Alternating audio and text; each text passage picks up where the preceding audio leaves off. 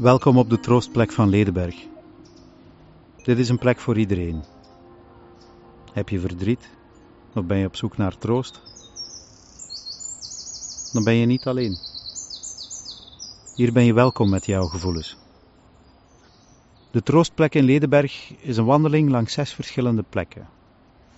Elk van die plekken staat voor een moment of fase waar je doorheen moet wanneer je je rouw of je verdriet aan het verwerken bent.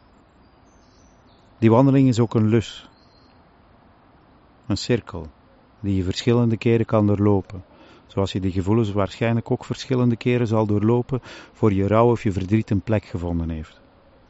Elk van die plekken biedt je ook een gezicht op de natuur, een perspectief op een toekomst, een levende natuur, die niet oordeelt en waarin een spel van elementen aan de gang is. En daarom is elk van die plekken ook opgehangen aan een van de vier natuurelementen. Vier natuurelementen plus een boom, waar je thuis kan komen. En deze plek. De poort. De poort van deze ring. Een plek waar je aankomt en waar je jezelf kenbaar kan maken, door op de gong te slaan. Zo maak je jezelf aanwezig. Zo zeg je: Ik ben hier. Nu. Zo ben ik en zo gaan de dingen nu.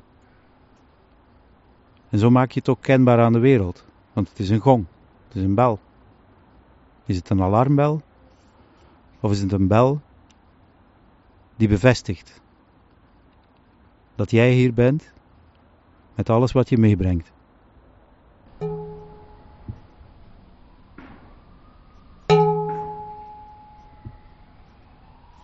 Dag beste mensen, ik ben nu eind de 50 en aangezien ik veel spijt, verdriet en schuldgevoel over mijn verleden heb, wil ik hier mijn verhaal met jullie delen. Althans, een stuk daarvan. Uh, ik ben opgegroeid in een bakkersfamilie. En uh, samen met mijn vijf oudere broers, ik was een nakomertje, kregen we een strenge katholieke opvoeding, maar hadden niks tekort, in tegendeel. Op school was ik steeds het gaantje de voorste, de clown van de klas, en vertoonde soms wel wat pestgedrag. Ik kon niet stilzitten, kon moeilijk met mijn e- energie overweg. Pas veel later is vastgesteld dat ik toen ADHD had. Op mijn veertiende, ik, ik volgde toen het humaniora in een jongenscollege, werd ik lid van een basketbalclub. Gezien daar ook een kantine was, dronk ik er mijn eerste pintjes rookte ik mijn eerste sigaretje. Die kwamen goed van pas. Ik was minder verlegen bij de meisjes, werd rustiger en minder agressief. En ik sliep ook beter. Ondertussen waren mijn oudere broers het huis uit en was ik vaak alleen. Tijdens de vakantie ging ik vaak werken bij mijn oudste broer, die ook een zelfstandige bakkerszaak was gestart dus centjes genoeg om dagelijks in jeugdhuizen en cafés rond te hangen en er de nodige pinten te nuttigen. Puberen is voor mij leren omgaan met emoties, tegenslagen en meevallers, liefde en verdriet. En ik, ik vluchtte in alcohol. Ook al omdat mijn schoolresultaten steeds slechter werden. Daardoor kreeg ik in het derde jaar een B-attest. Mijn broer zei toen, laat hem dubbelen. Hij is verstandig genoeg om het humaniora uit te doen. Had ik maar geluisterd. Maar ik koos de gemakkelijkste weg. Bakker studeren en zo snel mogelijk werken gaan. Lees, meer geld verdienen om een bromfiets en later een auto te kopen. Meer geld en tijd om uit te gaan en kleren te kopen. Rond mijn 22e verhuisde ik samen met mijn vrienden naar Gent. Ik werkte toen in Gent en mijn latere partner liep er hogeschool. Samenwonen zorgde in die tijd voor de nodige vrevel bij beiden van onze ouders. Het was een prachtige tijd. En de wereld ging voor ons open. We woonden vlakbij de vooruit en daar kwam ik mijn vroeger vrienden tegen die toen naar het UNIF gingen. We beleven er cultuur, theater en concerten. We leerden Argentijnse tango en deden sport. We reisden, gingen skiën, met steeds als afsluiter, je raadt het al, alcohol. Daardoor kwam het soms in me op om terug te gaan studeren. Maar als banketbakker had ik me ondertussen opgewerkt als chef bij een toppatisserie en was ambitieus. We hadden ondertussen redelijk wat bijgespaard en ik wou ook zelfstandig worden. Met of zonder mijn vrienden, want die bleef twijfelen.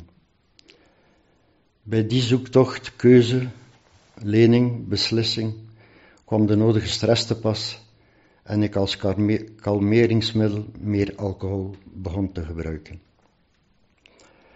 En op mijn 29e kochten we een bestaande, vrij grote bakkerszaak. Later besefte ik dat die keuze misschien niet de beste was qua ligging en prijs. Misschien geen nuchter beslissing. De eerste tien jaar verliepen vlot. Goed personeel, leuke sfeer. En we kregen toen twee schatten van kinderen. Die wel voor meer werk en zorgen van ons vergden. Toen de jongste uit de pampers was gegroeid, had mijn partner terug meer behoefte aan ontspanning.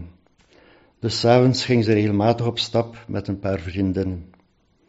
Ik wist toen al, het was een aantrekkelijke vrouw, dat het mis ging lopen. We groeiden ook steeds meer uit elkaar. Ik sliep overdag, zij s'nachts. Rond die tijd ging het economisch ook wat minder. Er was veel concurrentie van de warenhuizen als bakker zijnde. De zaak was ook gedurende één jaar praktisch niet bereikbaar door wegenwerken, waarbij nadien al de parkeerplaatsen verdwenen. Dat was frustrerend. Het werd ook steeds moeilijker om personeel te vinden, waardoor ik mezelf, waardoor ik zelf nog meer moest werken en de stress daardoor steeds hoger werd. Ik dronk toen enkel, toen enkel na mijn werk en door tijdsgebrek en een hogere tolerantie schakelde ik over op zwaardere en sterkere dranken.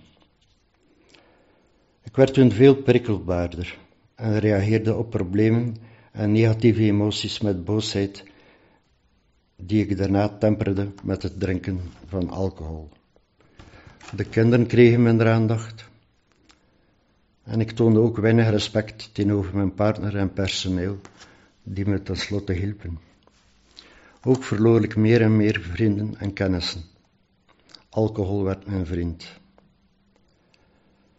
En zoals verwacht had mijn vrouw ondertussen een relatie met iemand anders. Ik begreep dat ze uiteindelijk warmte en genegenheid elders vond en betoonde mijn spijt voor mijn gedrag. Toch zijn we nog acht jaar samen blijven werken, hetgeen voor mij een hel was. Ik noem het nu psychische mishandeling. Na twintig jaar hard werken als zelfstandig besloot ik te stoppen met de zaak. Ik kon niet meer. Ik was een wrak. Lichamelijk en psychisch. Burn-out en een zware alcoholverslaving, stelden dokters vast. Ik ben toen langdurig opgenomen geweest in een instelling. Na mijn ontwenningsperiode aan alcohol viel ik in een depressie. Ook had ik last van angsten en kon niet meer tegen de minste stress. Mijn puberteit indachtig kon ik niet met emoties omgaan.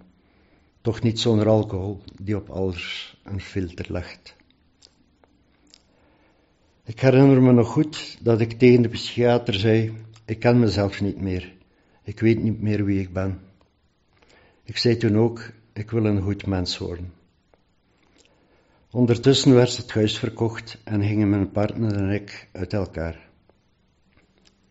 Toen ik beter was, ben ik aan de slag gegaan als werknemer in een groot bakkerijbedrijf.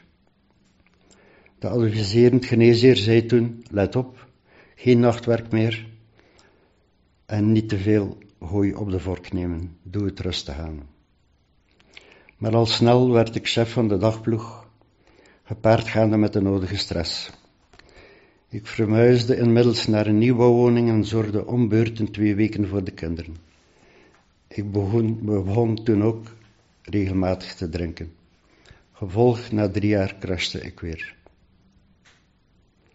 Een lange opname was weer nodig, waardoor ik weer al de kinderen voor lange tijd moet missen en zij hun papa. Gelukkig konden ze veilig bij hun mama terecht. Waarvoor dank. De kinderen kregen minder aandacht. Ik ben nu alleenstaand en heb nog vaak last van periodes met depressie. Bij emoties tegenslagen en te veel aan stress is het gevecht tegen alcohol soms tergend lastig.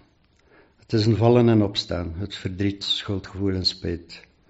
Ik weet niet als ik een goed mens ben geworden zoals ik wou, maar wel al een beter mens. We kunnen de klok niet terugdraaien, maar ik besef hoeveel alcohol in mij en rondom mij kapot heeft gemaakt. Het gaat niet met alcohol en het gaat niet zonder. En dat maakt me verdrietig.